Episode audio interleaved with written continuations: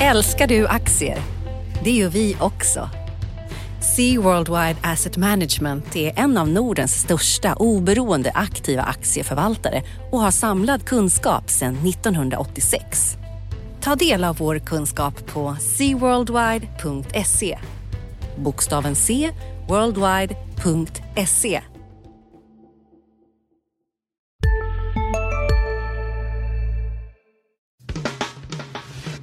Analyspodden från Dagens Industri.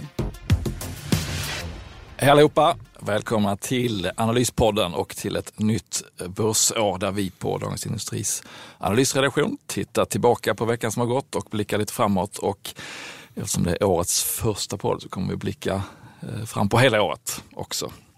Eh, idag är det med mig, eh, Martin Blomgren, och mitt emot mig Magnus Dagel som ska stå för spaningarna. Hur står Ja. det till Magnus? Hej Martin, det står bra till. Vi ska prata om börsen, vi ska prata lite H&M, vi ska prata lite Green. Greenblatt Greenblatt ja, ja, och lite Disney. lite Disney. Ja. Ska vi börja med eh, att ta ett litet grepp på Stockholmsbörsen som inte fick något sånt här julrally utan det gick rätt så trögt i december men har börjat 2018 bra med uppgångar varenda dag hittills. Ja, det är upp 2 procent ungefär i år. ja Och det är trots att eh, index tungviktaren H&M fortsatt ner. Precis. Vi står här på fredagen 13 dagen då och eh, den här tävlingen, vem som kan ha lägst riktkurs på H&M har fått eh, en ny tillfällig etappvinnare i alla fall när Morgan Stanley sänkte till 120 kronor per aktie. Vad tror du, har vi sett den sista av de här sänkningarna eller är det, är det fler som vill vara med och sticka ut som mest? Ja, ja, kanske. Det är nog förmodligen eh, bland de lägre om man sticker ut det. Eh, Jag kommer ihåg jag läste Morgan Stanleys analys då i mars 2016 eh, när de chockade och sänkte då till 160 kronor som den är faktiskt precis nu. Ja. Och då tyckte jag, jag läste den faktiskt två gånger den analysen, jag tyckte att det inte var så himla bra. Jag förstod faktiskt inte på den eh, riktigt. Men eh, så här i efterhand så hade de faktiskt helt rätt. Eh, och jag läste faktiskt igen här nu och de påpekar då att vinsten per eh, butiksyta har ungefär halverats eh, sedan de senaste tio åren. Då. Och det hade jag lite svårt att ta till mig då. Men eh, det är ju faktiskt eh, helt rätt. Och att de har kompenserat det för att de hela tiden ökat butikerna. Men nu är det. det be- betydligt svårare att göra det då.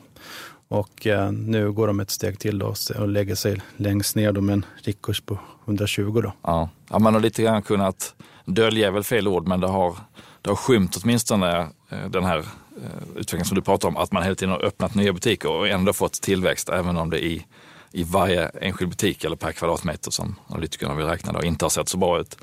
Men det här jätteskiftet till e-handel som, som accelererar under 2017, som vi har pratat om i varenda podd nästan, eh, visar då tydligt hur tufft det här kan bli om man inte kan fortsätta rulla ut nya butiker. Eh, Och det är inte bara Morgan Stanley som har sänkt i veckan. Även Santander, spanska banken, kom med en sänkning till 144 kronor tror jag var deras. Så det var väl tangerat lägsta, lägsta riktkurs när den kom på torsdagen var det väl. Onsdagen eller torsdagen och sen så kom Morgan Stanley nu då. Så att, nej, jag tror också att det kommer bli, eh, det är, det är en omsvängning här där man både måste ta ställning till hur, eh, hur vinsterna, vinstutvecklingen, prognoserna kommer att se ut, men även hur man ska värdera ett bolag då som inte längre är en tillväxtstory. Det är det som Morgan Stanley väl är lite inne på i den här senaste analysen då, att en era är över, eller vad de, vad de kallar det. Så att, eh, Så ja, de, de räknar med att vinsten fortsätter falla ner till 2020 då. ja, Eh, och eh, ja, de gör ju 10 kronor per aktie ungefär i år. Kursen 160 så det är P-tal på runt 16 då. Och nästa år så räknar analytikerna med en vinstuppgång då, eller alltså för 2018 då. Att P-talet sjunker ner mot 14-15 någonting. ja. Men det, det bygger då på att vinsten ökar det är inte alls säkert den gör det faktiskt eh, i år. Eh, Nej, tittar man på marginalerna då så skulle de ju bottna ut kanske på 12 procent. Rörelsemarginalen har ju liksom länge legat i korten när valutan ska, ska komma på rätt håll igen och sådär. Men, men det är klart, drar man ner den från 12 procent till 10 eller 8 om det ser riktigt illa ut, då eh, blir det helt andra vinster och då, då är det här låga P-talet kanske en, en synvilla. Intressant blir också hur de gör med utdelningarna tycker jag. Eh, det, det kommer ju vara en, en ganska intressant eh, hur de själva ser på det tycker jag. Eh, och det får vi reda på i slutet av den här månaden då. Mm. det mesta talar väl för att de behåller utdelningen konstant då, på 9,75 mm. då. Men Morgan Stanley till exempel, de räknar ju med att det finns en betydande risk för sänkningar redan i det här bokslutet då. Kanske för att spara pengar då till investeringar i e-handel helt enkelt. Men det skulle ju vara en väldigt negativ eh, effekt tycker. De, H&M är ett av de bolag som aldrig har sänkt utdelningen. Ja. Så det skulle ju vara ett, ett tydligt skifte. Ja, det skulle vara ett stort signalvärde. Får man säga. Ja. Nu är ju direktavkastningen om man köper nu det ungefär 6 procent. Mm. Så det är klart, tror man att de kommer hålla utdelningen, åtminstone hålla den eh, och köper aktien och bara gräver ner sig i en, eh, i en grotta i tio år så kommer man ha ganska bra mm. avkastning då. Mm. Men, men det här strukturella skiftet är ju snabbare och snabbare och eh, någonstans kanske även Hennes Mauritz måste bli först med att sänka sin utdelning. Eller mm. göra det för första gången. Då. Mm. Så att det eh, lär ju vara någonting som vi kommer att fortsätta prata om. Ja. Förmodligen hela det här året. Närmsta hållpunkten är ju då rapporten sista januari. Va? Mm. Där sen försälj- kapitalmarknadsdagen. Och sen kapitalmarknadsdagen, ja. mitten på februari. Och försäljningen för eh, kvartalet har man redan fått. Det var den som fick proppen och ur senast här i december. Eh, men hur mycket det har slått på resultatet blir då nyckelfrågan i, i rapporten. Mm, och det kan ju fått ordentliga effekter med en minskad försäljning. Ja. Men som vi var inne på tidigare, börsen har trots det gått bra i början på året trots att H&M då fortsätter att dra ner. Eh, och det är väl industribolag och eh, banker som klarar sig hyfsat. Om vi försöker spana ut på hela året som är populärt den här tiden på året, vad, vad tror du Magnus? Och här får man väl trycka på att man tror någonting, inte vet, utan det handlar ju om Nej. guesstimates. Jag brukar skriva i mina kröningar att det är meningslöst att hålla på och förutsäga börsen. Bättre att lägga tiden på att analysera bolag. Men eh, nu måste jag väl ändå göra det. Du kommer inte undan. Nej. Eh, nej, men jag tittar lite först på statistiken, då, hur det sett ut. Mm. Och vi är faktiskt inne på en, eh, slutet, tror jag, på en väldigt lång period där. Det, det, det var ju upp ja, sex år i rad då, och mm. det var ju upp sju av de senaste nio åren. Då. Eh, så det är en väldigt kraftig uppgång som har varit. Och tittar man tillbaka historiskt så på 50, 40, 50, 60-talen var det ett par långa uppgångar också på mm. 67 år. Eh, så den är historiskt lång. Då. Den längsta är ju då nio år, den var 91 till 99 där börsen gick upp 250 procent och avslutades med eufori. Festival. Mm. Ja, 99 då. Ja, det är så det brukar avslutas och det skulle kanske tala för att vi inte riktigt är där än. Då, att eh, nej. Den här sista euforiska fasen, sista fasen den har liksom varit på väg men sen har den dämpats igen mm. Eh, i, i flera tillfällen. Mm. Och, eh, och tittar man på OMX SPI, det breda indexet som är upp sex år i sträck nu då, så har den faktiskt aldrig stannat där utan den har gått den fortsatte sjunde året också de gångerna som det har varit mm. aktuellt. Så det är väl också lite optimistiskt. Men eh, mitt, mitt huvudscenario är att det börjar bra som vanligt och eh, fortsätter så fram till sommaren kanske. Men att sen så börjar nog oron för att vi är i slutet, att vi är på slutet på efterfesten till och med. Eh, och att även om 2018 då blir bra så kommer 2019 kanske bli året när, när det börjar eh, vända ner i konjunkturen och när inköpschefsindexerna inte längre ligger kvar på riktigt så här höga nivåer börjar gå ner. Så att, jag är nog lite inne på att börsen kommer sluta på minus där året. Inte, inte något kraftfullt ras men att eh, att 2019, molnen under 2019 kommer man börja ta hänsyn till i sommaren, början på hösten och sen så tappar den här uppgången som, som förmodligen kommer under första halvåret. Så att, mm. eh, minus en 6 procent blev mitt eh, guesstimate för 2018. Mm. Och då är, då, är, då är man inne på precis vad som hände 2007 nämligen. Det var också ett bra, mm. bra konjunktur i år. Eh, börsen börjar dra öronen åt sig på sommaren, bolagen fattar ingenting. Det går jättebra för oss, varför, varför backar börsen? Jag, jag, tror man kan få se något liknande under det här året. Mm. Ja, som sagt, jag är också inne på ungefär det scenariot. Att, eh, att vi är inne på sluttampen av en lång börsuppgång. Jag tycker man ser många tecken på det mm. runt om i samhället. Men det, det, skulle också kunna bli ett år till med uppgång, det vet vi inte riktigt. För alla, eh, alla stjärnor står egentligen rätt tycker jag, mm. men det är en stark internationell konjunktur Även svenska konjunkturen är stark. Räntorna kommer fortsatt vara låga. Så det, det, finns mycket som talar för att det kommer bli ytterligare bra år också. Ja, det, det scenariot vi målar upp skulle ju kunna rulla in i, mm. i nästa också. Att det är först 2019 som man då börjar blicka längre fram och blir mm. rädd. Men, eh, men en eh, viss vaksamhet kan man väl rekommendera, speciellt om man har varit med på hela uppgången här. Ja. Eh, att, att inte ha alla ägg i börskorgen kanske. Det har faktiskt gått upp 92 procent tror jag, från de senaste ja, sex åren. Ja, det är lite bättre än bankboken. Ja, Så. verkligen. Mm. Där får man inte mycket avkastning. Nej. Eh, annars har det varit en ganska tunn nyhetsvecka eh, som sig bör när det är kortvecka. Eh, eh, jag har tittat lite på det som ändå har hänt internationellt här och då eh, fastnar blicken lite grann på Disney som som, som med sin senaste Star Wars-film lyckades ta sig in på topp tre-listan över 2017 års eh, största biljettintäkter trots att filmen hade premiär i mitten på december. Så att, eh, och den såg du igår? Den var jag såg jag, ja. ja vad tycker du om ja, den? Får, eh, många stjärnor får den? Den får fyra, fyra av fem eh, stjärnor. Ja. Stabil, eh, stabil underhållning i sin eh, genre, inte mycket att klaga på. Och det är jag inte ensam om att tycka det eftersom den drog in drygt en miljard dollar på bara lite över två veckor. Mm. Och det bidrog du till? Eh, nej, det gjorde jag inte eftersom jag såg den 2018. Just det. Men, eh, men den hamnade då på topp tre, tredje, tredje mest eh, inkomstinbringande trots att den bara var igång tre veckor. Och eh, intressant med den här siffran då, en miljard dollar som de drog in, är ju när man tittar vad de köpte, vad Disney köpte där Lucasfilm för mm. som som innehar rättigheterna till Star Wars. Då betalar de eh, lite över 4 miljarder dollar. För det tyckte man var jättedyrt då, kommer jag ihåg. tyckte man mycket pengar för en, liksom en film. Eh. Sista dagarna nu på vårens stora season sale. Passa på att göra sommarfint hemma, både inne och ute. Och fynda till fantastiska priser. Måndagen den 6 maj avslutar vi med Kvällsöppet i 21. Välkommen till Mio. Hej, Synoptik här. Visste du att solens UV-strålar kan vara skadliga och åldra dina ögon i förtid? Kom in till oss så hjälper vi dig att hitta rätt solglasögon som skyddar dina ögon. Välkommen till Synoptik. Rättigheterna till en filmserie, visserligen den kanske mest eh, kända och ett varumärke som är urstarkt. Men, men ändå, det, nu drar man då in en fjärdedel av det på tre veckor på en film. Och de har ju rättighet att göra fler filmer och de kan rulla ut i, i sina nöjesparker och DVD-hyrfilmer, eh, betalkanaler och så vidare. Så att det där är ju ett superklipp. Mm. Men det mest intressanta som hände den här premiärdagen 14 december var väl egentligen att man köpte 21st Century Fox samma dag. Mm. Eh, och där betalar man lite andra priser. Det är det 66 miljarder dollar.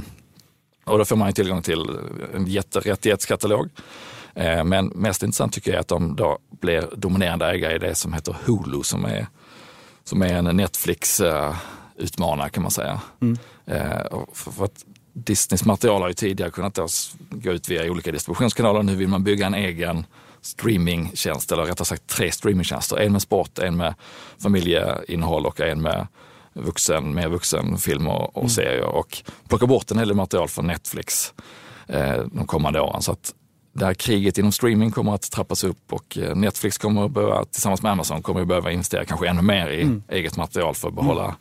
sina kunder medan Disney som ju har en helt eh, sanslös rättighetsskatt egentligen med, mm. med sina, både Disney, Star Wars, de köpte Marvel, de köpte Pixar eh, och så får de då in hela 21st Century Fox. Mm. Så att de kan ju, de kan ju bygga streamingtjänster som, som man ska man säga, måste ha om man, mm. om man är normal konsument. Så att, mm. känns som Disney gör mycket rätt. Det känns som att de gör väldigt mycket rätt. Eh, samtidigt har de då emot sig att alla kabeltittare klipper sladden så att de tappar på sport, som traditionella liksom sport, eh, mm. sportabonnemangen via kabel-tv. Så att mm. jag skulle nog vara försiktig med att köpa aktien ändå, trots att de gör så mycket rätt. De mm. betalade väldigt mycket för det här bolaget de köper eh, och de har den här strukturella motvinden i mm i kabel mot sig ett tag till. Så att även om de gör allt rätt så, så, tror jag mer att det är att de lyckas etablera sin plats än att de kanske kan ta ett jättekliv uppåt vinstmässigt. Så att, äh, håll ögonen på Disney men man ska, mm. nog, äh, man ska nog inte kasta sig in i aktien. Nej.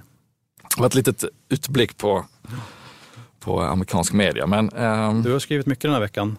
Både Disney och sen har du gjort en stor genomgång av eh, Greenblatt-modellen, mm, Precis, en årligt återkommande artikel eh, sista åren i Dagens Industri där vi, eller jag, har tittat på eh, ett alternativ till att använda en, en eh, vad ska man säga, en screeningmodell, en, en eh, filtreringsmodell för att ta fram en, en portfölj med aktier som ska kunna slå index baserat på den här professorn då, Joel Greenblatt som har skrivit en bok som heter The Little Books That Beats the Market. Just det. Eh, och första gången gjorde jag det mest som ett liksom, test för att se funkar det på svenska marknaden. Jag gjorde en liten försvenskad förenklad version och eh, då gick det som index och sen så tre gånger till så har det gått bättre än index. Eh, förra året gick det inte bättre än index för första Nej. gången. Men eh, nu tar vi nu- nya tag. Nu gör du ett nytt försök. Det var ett nytt försök, precis. Eh, Så i, i fredagens Dagens Industri kan man som prenumerant se hela listan på 30 bolag som kommer fram. Och det, det är ju då en modell där, där man inte sitter och handplockar aktier utan Nej, man, utan man väljer efter, man väljer efter två, om man i korta drag hur modellen fungerar så är det två kriterier. Det är låg värdering, då har jag använt P-tal, eh, hög avkastning på kapitalet historiskt, så har jag använt ett snitt på de två senaste åren. Och ja, Hela tanken då är att bolag som har en hög avkastning på kapitalet har också någon slags spetskompetens. Man har ett varumärke eller en affärsmodell som är något utöver det vanliga som gör att man kan ha en hög avkastning på kapitalet. Eh, Men just nu värderas de inte högt eh, eftersom P-talet är lågt. Och de som då kombinerar det här, där, i den gruppen kommer man hitta en hel del riktigt usla aktier eftersom de är billiga av en anledning. Och ett typexempel för året var då Fingerprint som såg jättebillig ut i början på året eh, men som gick urdåligt. Men man kommer också hitta bolag som är misstrodda av fel anledning och när, när oron lättar så kommer de att sticka iväg och den gruppen ska då kompensera för den dåliga gruppen och tillsammans ska man slå index. Så kan man väl sammanfatta ja. Och i år, precis som förra året, så är det mycket byggbolag tycker jag. Eh, En del, en del fastigheter också. Mycket bygger fastighet som har varit helt out of fashion på i hösten då, när bostadsmarknaden Nu kan vi se de två, de som kommer etta och tvåa på din ranking är ju eh, bygg och, byggbolag. Eh, eh, JM och, ja, JM JM Oscar. Ja. Och bägge har väldigt låga P-tal. JM har 6,7 P-tal och Oscar Properties 2,9. Mm. Serneke som kommer på fjärde plats har P-tal på 6,9 också. Då. Så det är, det är generellt lågt värderat och det, jag tycker det är ganska eh, typiskt för, för, för byggbolagen egentligen. Mm. Jag skrev en artikel om det innan jul här att eh, Ja, de har haft det tufft då. Ja, verkligen. Mitt i högkonjunkturen. Det här året skulle det bli ett fantastiskt år för byggbolagen. Mm. Det, när man stod här för ett år sedan så såg man, ju, såg, såg man ju det framför sig att det skulle bli ett väldigt bra år. Alla stjärnorna stod egentligen Mm. rätt då. Men det har ju blivit eh, grus egentligen för byggbolagen.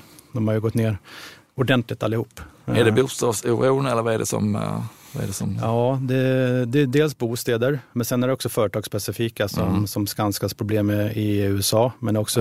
NCC som har problem med, med sin eh, infrastrukturdel Mm. och även låga marginaler i sin, sin byggdel då, eh, och inte lyckats kompensera det för, i de andra affärsområdena. Mm. Så det, det har varit en kombination helt enkelt eh, av det här. Men, eh, det är men under hösten har det varit mycket bygg. Eh, bostadsoro då, Bostads- som, är, ja, som helt enkelt har pressat ner dem. Då. Och det kan man ju se i låga, låga P tal Men det, är- det är rätt typiskt också för byggbolagen. De har generellt väldigt låga marginaler men eh, de, de avkastar ofta kapitalet väldigt Mm. bra för de binder upp lite kapital eh, i sin verksamhet. Man skulle kunna tro i och med att de bygger stora hus och att de binder upp väldigt mycket kapital men det, det gör de ju inte utan de kan eh, parera det helt enkelt Mm. med, med, med förskott från kunder och att de drar på fakturorna helt enkelt. Mm. Så att det blir, blir en väldigt eh, hög avkastning på kapitalet för byggbolagen. Och det kommer fram i din modell här då, Gimblat-modellen. Precis, och det gäller även de eh, detaljhandlare som är, som är duktiga kan ju också ha en väldigt hög avkastning på kapitalet för att man behöver inte binda så Mm. mycket utan det man köper in från leverantörer hinner man sälja innan man betalar fakturan. Så, att, så att även en låg marginal som det är till exempel i Axfood och ICA och de här livsmedelshandlarna kan ju ha en väldigt hög avkastning på kapitalet. Och det, det missar man lite när man bara tittar på, på eh, rörelsemarginalen och försöker jämföra bolag på det. Det blir lite, eh, man ser inte hela bilden. och Eh, även även eh, klädhandlare är ju med i den här modellen i år. Då. Både, eh, eller H&M är med för första gången. Ja, H&M har en väldigt bra avkastning på kapitalet, 25 procent tror jag det är nu. Ja. Eh, Och det är, en, det är en väldigt hög nivå. Och det är Ja. ju egentligen den, den måttet som är det viktiga, egentligen hur man avkastar med aktieägarnas kapital i slutändan. Mm. Och nu, du har ju totalt kapital här, hela balansräkningen, men jag tror Greenblatt använder väl någon med ännu mer avancerad modell som avkastning på sysselsatt kapital eller eget kapital. Ja, det är någon variant där de plockar ur en del delar, men eh, eh, jag har då gjort en, en enklare version där det, av, egentligen av den enkla anledningen att det skulle gå att hitta i databasen Factset som vi använder för att få det jämförbart mellan alla åren. Eh, för att slippa sitta och gå igenom själv årsredovisningarna för 400 plus bolag. Ja, Eh, det är naturligtvis fritt fram att göra det om man, Mm. om man är sugen på att, att göra det. Men eh, den här är en svenskifierad och lite light-version som, eh, som har visat sig fungera bra ändå för att poängen med modellen är egentligen inte att hitta de exakta nivåerna på avkastningen eller på P-talet utan det är att göra en ranking på en topplista. Två topplistor, en på P-tal och en på eh, avkastning på kapital och sen så slår man då samman vilka som kombinerar dem bäst. Så att nivåerna i sig är egentligen inte intressanta här utan det är var man hamnar i, i förhållande till de andra bolagen. Så att man ska hitta de 30 bolag som, som bäst kombinerar eh, låg värdering och hög avkastning på kapitalet. Mm. För det får man ju vara noga med. Då för att titta till exempel på fastighetsutvecklare och så som har mycket, eh, de är ju väldigt beroende av antalet projekt man räknar Mm. av helt enkelt. Så det kan ju slå väldigt mycket från ett år till annat. Och Mm. likaså fastighetsbolagen, att de har reavinster i sina, för fastigheter och värderar upp sina, bol, sina ja, fastigheter helt enkelt. Mm. Så det kan ju slå då. Jo, absolut. Det finns mycket, eh, mycket justeringar man kan göra om man vill. Eh, men antingen tror jag man får köpa, man får köpa listan rakt av eller så använder man det som ett smörgåsbord där man kan gå in och plocka eh, som en första, en första rundan på smörgåsbordet. Jag plockar ut en tio bolag som ser intressanta ut och sen tittar jag närmare på dem och så kan jag plocka bort fem av dem för att ah, det här var inte min bransch eller det här, det här beror på det här och så, och så får man göra sin hemläxa själv. Men, eh, men vill man svälja allting så, så då, tror jag då ska man ta hela listan. Eh, och sen så kan man antingen göra som vi har gjort en gång om året eller så kan man successivt rullande under året byta ut en del av aktierna om man vill, mm om man vill köra det. Så att, mm. Mycket bra jobbat. Får vi se hur det blir 2018 om den eh, lever upp till bokens titel och slår index eller inte. Men bara ska vi kort, kort titta på nästa vecka. Den är inte fullspäckad heller med, med saker på förhand. Det är lite i väntan på rapporterna, boksluten som kommer här med, eh, med resultat och utdelningsbesked. Men eh, den dagen som ser mest händelserik ut på förhand är ju onsdagen. Då kommer lite trafiksiffror från SAS, det är lite ICA-försäljning, eh, stilindex som ju visar då hur klädhandeln har gått under december eh, och Riksbanksprotokollet. Eh, I övrigt är det väl ingenting som man behöver ligga sömnlös över 13-helgen för vad som ska kunna hända. Jag kommer skriva mera nästa vecka. Du har ju varit väldigt aktiv den här veckan. Och jag har dels veckans aktie på måndag Mm. och jag tänkte även uppdatera den här portföljen vi gjorde. Eh, tio aktier för tio år. Eh, Just det. det är faktiskt redan ett år sedan. Mm. År går väldigt fort har jag märkt. Bra, då har ni lite att se fram emot nästa vecka. Tack för att ni lyssnade allihopa. Tack så mycket. Glad 13-helg. Adjö. Hej. Analyspodden från Dagens Industri. Podden redigerades av Umami Produktion. Ansvarig utgivare Lotta Edling.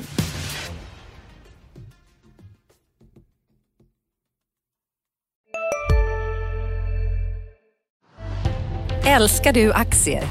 Det gör vi också. Sea Worldwide Asset Management är en av Nordens största oberoende aktiva aktieförvaltare och har samlad kunskap sedan 1986. Ta del av vår kunskap på seaworldwide.se. Bokstaven C, worldwide.se